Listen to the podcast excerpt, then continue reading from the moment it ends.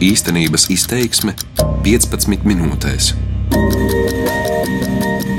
Mācību priekšmetā valsts aizsardzības mācība sagatavos lojālus un patriotiskus Latvijas pilsoņus, kuri mācīs rīkoties dažādās ekstremālās situācijās, piemēram, teroristu uzbrukumā.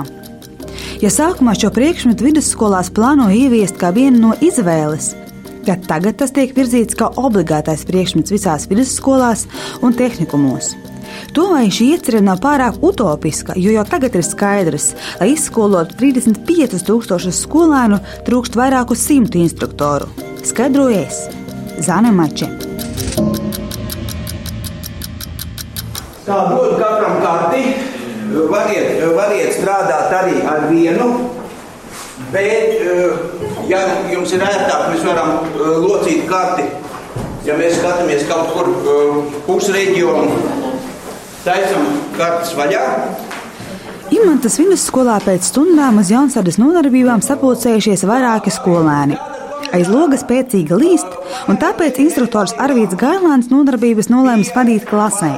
Dienas tēma - topogrāfija. Es uh, strādāju ar jaunsardzi no 2004. gada, un atsaucība ar katru gadu krīt. Tā kā tā interese par jaunsardzi mazinās katru gadu. Gailāns spriež, ka viens iemesls ir bērnu skaita samazināšanās un skolu slēgšana. Otrs - plašais interešu izglītības piedāvājums. Jāsargos iestājoties tie, kuri domājot par militāro karjeru. Tādas iespējas pavērsies arī tiem, kuri vidusskolā apgūst valsts aizsardzības mācību, kuru skolas plāno ieviest pēc diviem gadiem. Klasē lielākoties sapulcējušies tikko vidusskolā mācības uzsākušie.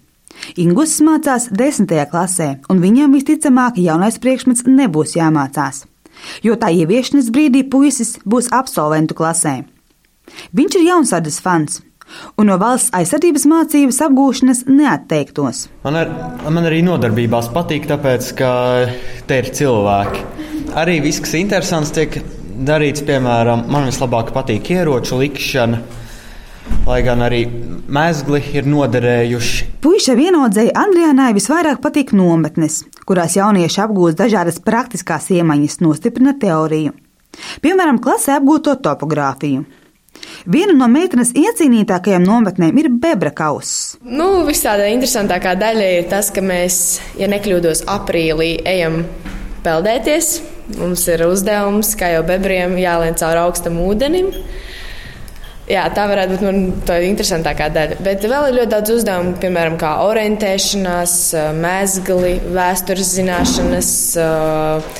Apzīmējumu zināšanas, nu, visdažādākāk, gan teorija, gan arī fiziski uz citu spējīgs. Pirms trim gadiem Jaunzardzē pievienojušies 8. klases skolēni Nils un Santra.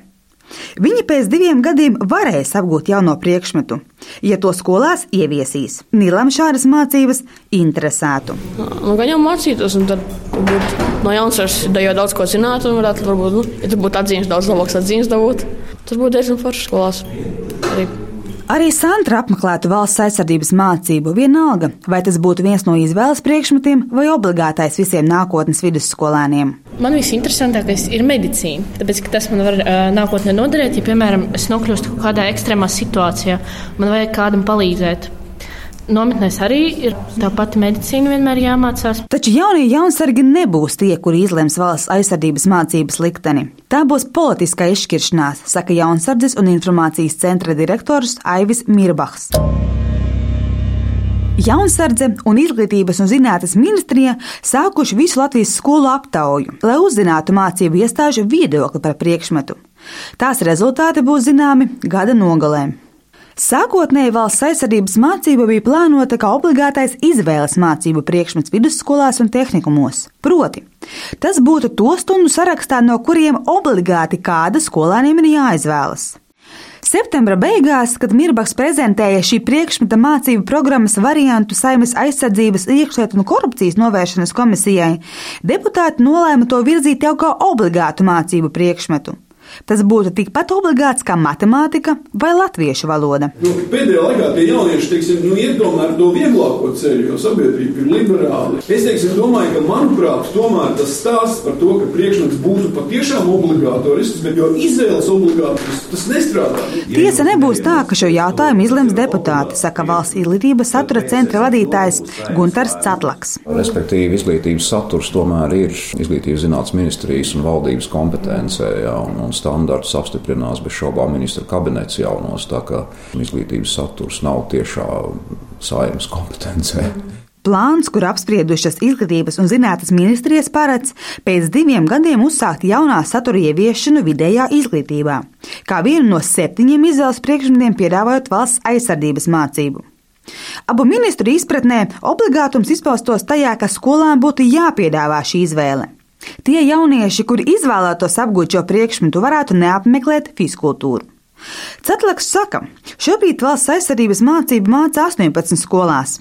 Skolēni apgūst militāro vēsturi, ierindas soli, dodas pārgājienos. Jaunsardas direktors Mirbaks gan bilst. Viņa izstrādātā mācību programma atšķirtos no šodienas skolās pasniegtā priekšmeta. Patreizējais priekšmets esot teorētisks ieskats tajā, kā aizsargāt valsti. Valsts aizsardzības mācība būs citā kvalitātē. Valsts aizsardzības mācībā viens pret vienu ar Kainieku skolas pirmā līmeņa programmu, kura ietver sevi ieroču apmācību 18 stundas, šaušanas apmācību 20 stundas, ierīnas apmācību 12 stundas, normatīvie akti 9 stundas, lauka administrācija 4 stundas, laukaujas iemaņas 50 stundas, topogrāfija, orientēšanās 10 stundas, fiziskā sagatavotība 34, psiholoģija, sakaru apmācība un pirmā palīdzība.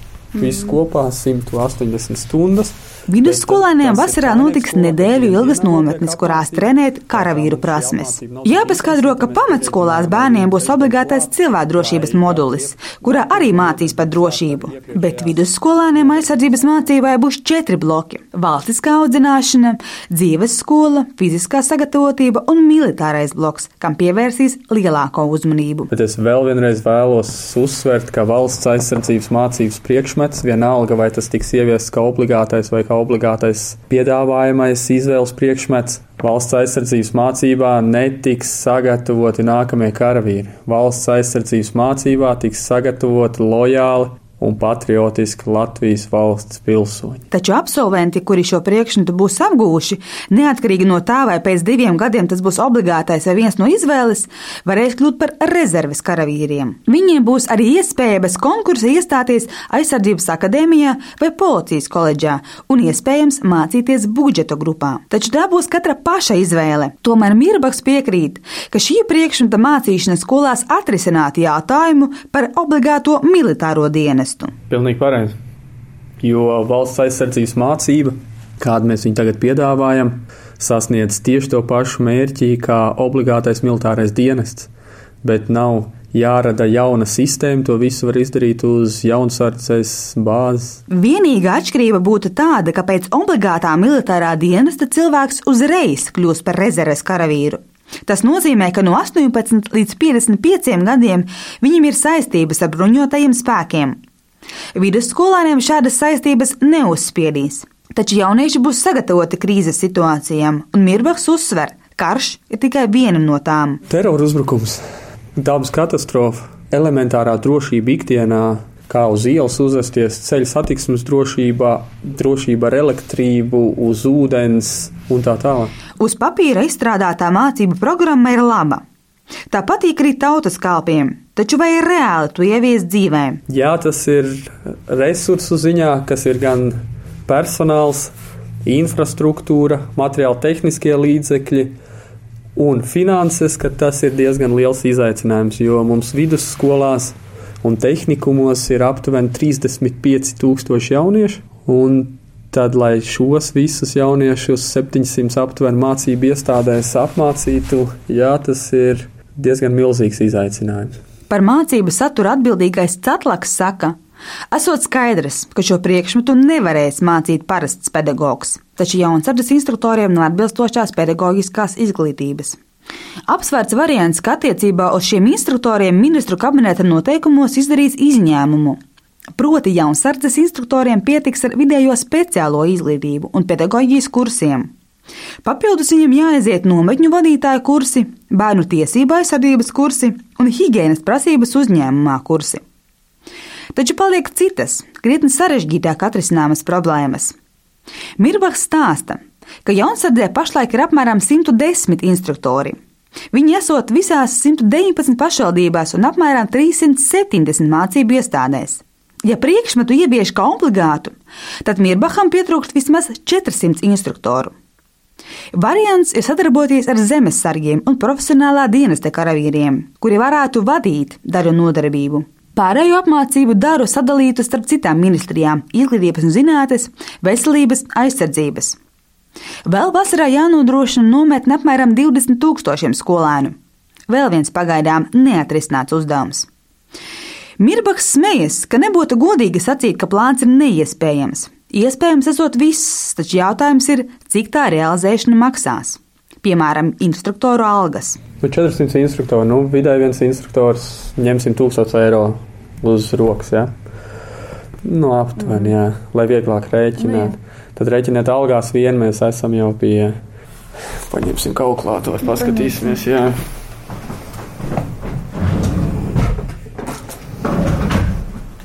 400 instruktori papildus reiz 12 mēneši, reiz vidēji 1000 pusmiljons algās. Jaunsardas vadītājs salīdzina nacionālajiem bruņotajiem spēkiem, kur ir 4000 karavīru.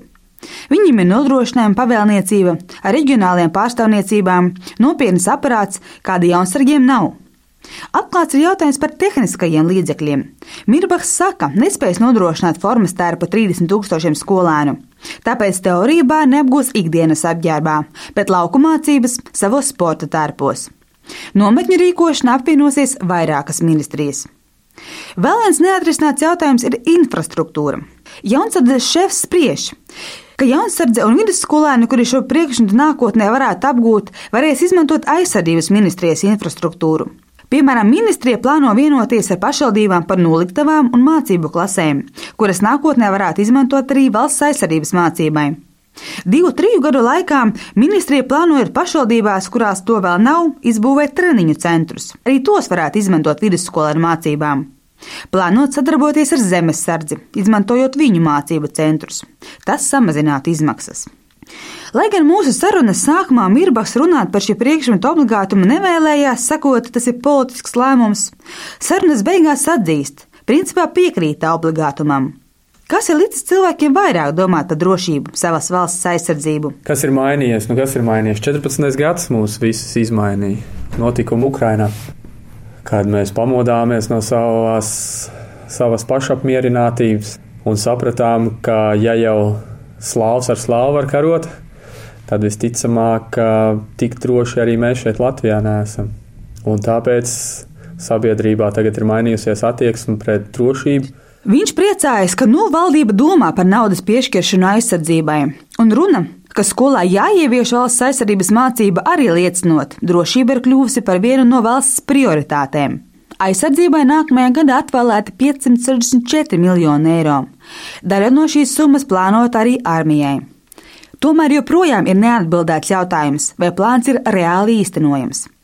Nezinot īstos apmērus, atbildīgajā saimes komisijā tika lēsts, ka šī priekšmeta obligāta ieviešana vidusskolās būšot finansiāli 17 reizes izdevīgāks modelis nekā obligātais militārais dienests. Taču Mirbaks spriež. Patiesās izmaksas varēs apjaust vien tad, kad būs skaidrs, cik daudz skolu būtu ieinteresētas priekšmeta ieviešanā. Nē, mums viedoklis ir pilnīgi skaidrs, tas nav mainījies. Mēs tieši tā mēs saprotam, valsts aizsardzības mācībā ir sava loma. Tā ir vieta stundu plānā, bet bez šaubām tam jābūt izvēles priekšmetam. Cetlaks spriež, ka interese skolās varētu būt, sevišķi tajās, kurās ir aktīva jaunsardze. Mirabas gan bilst.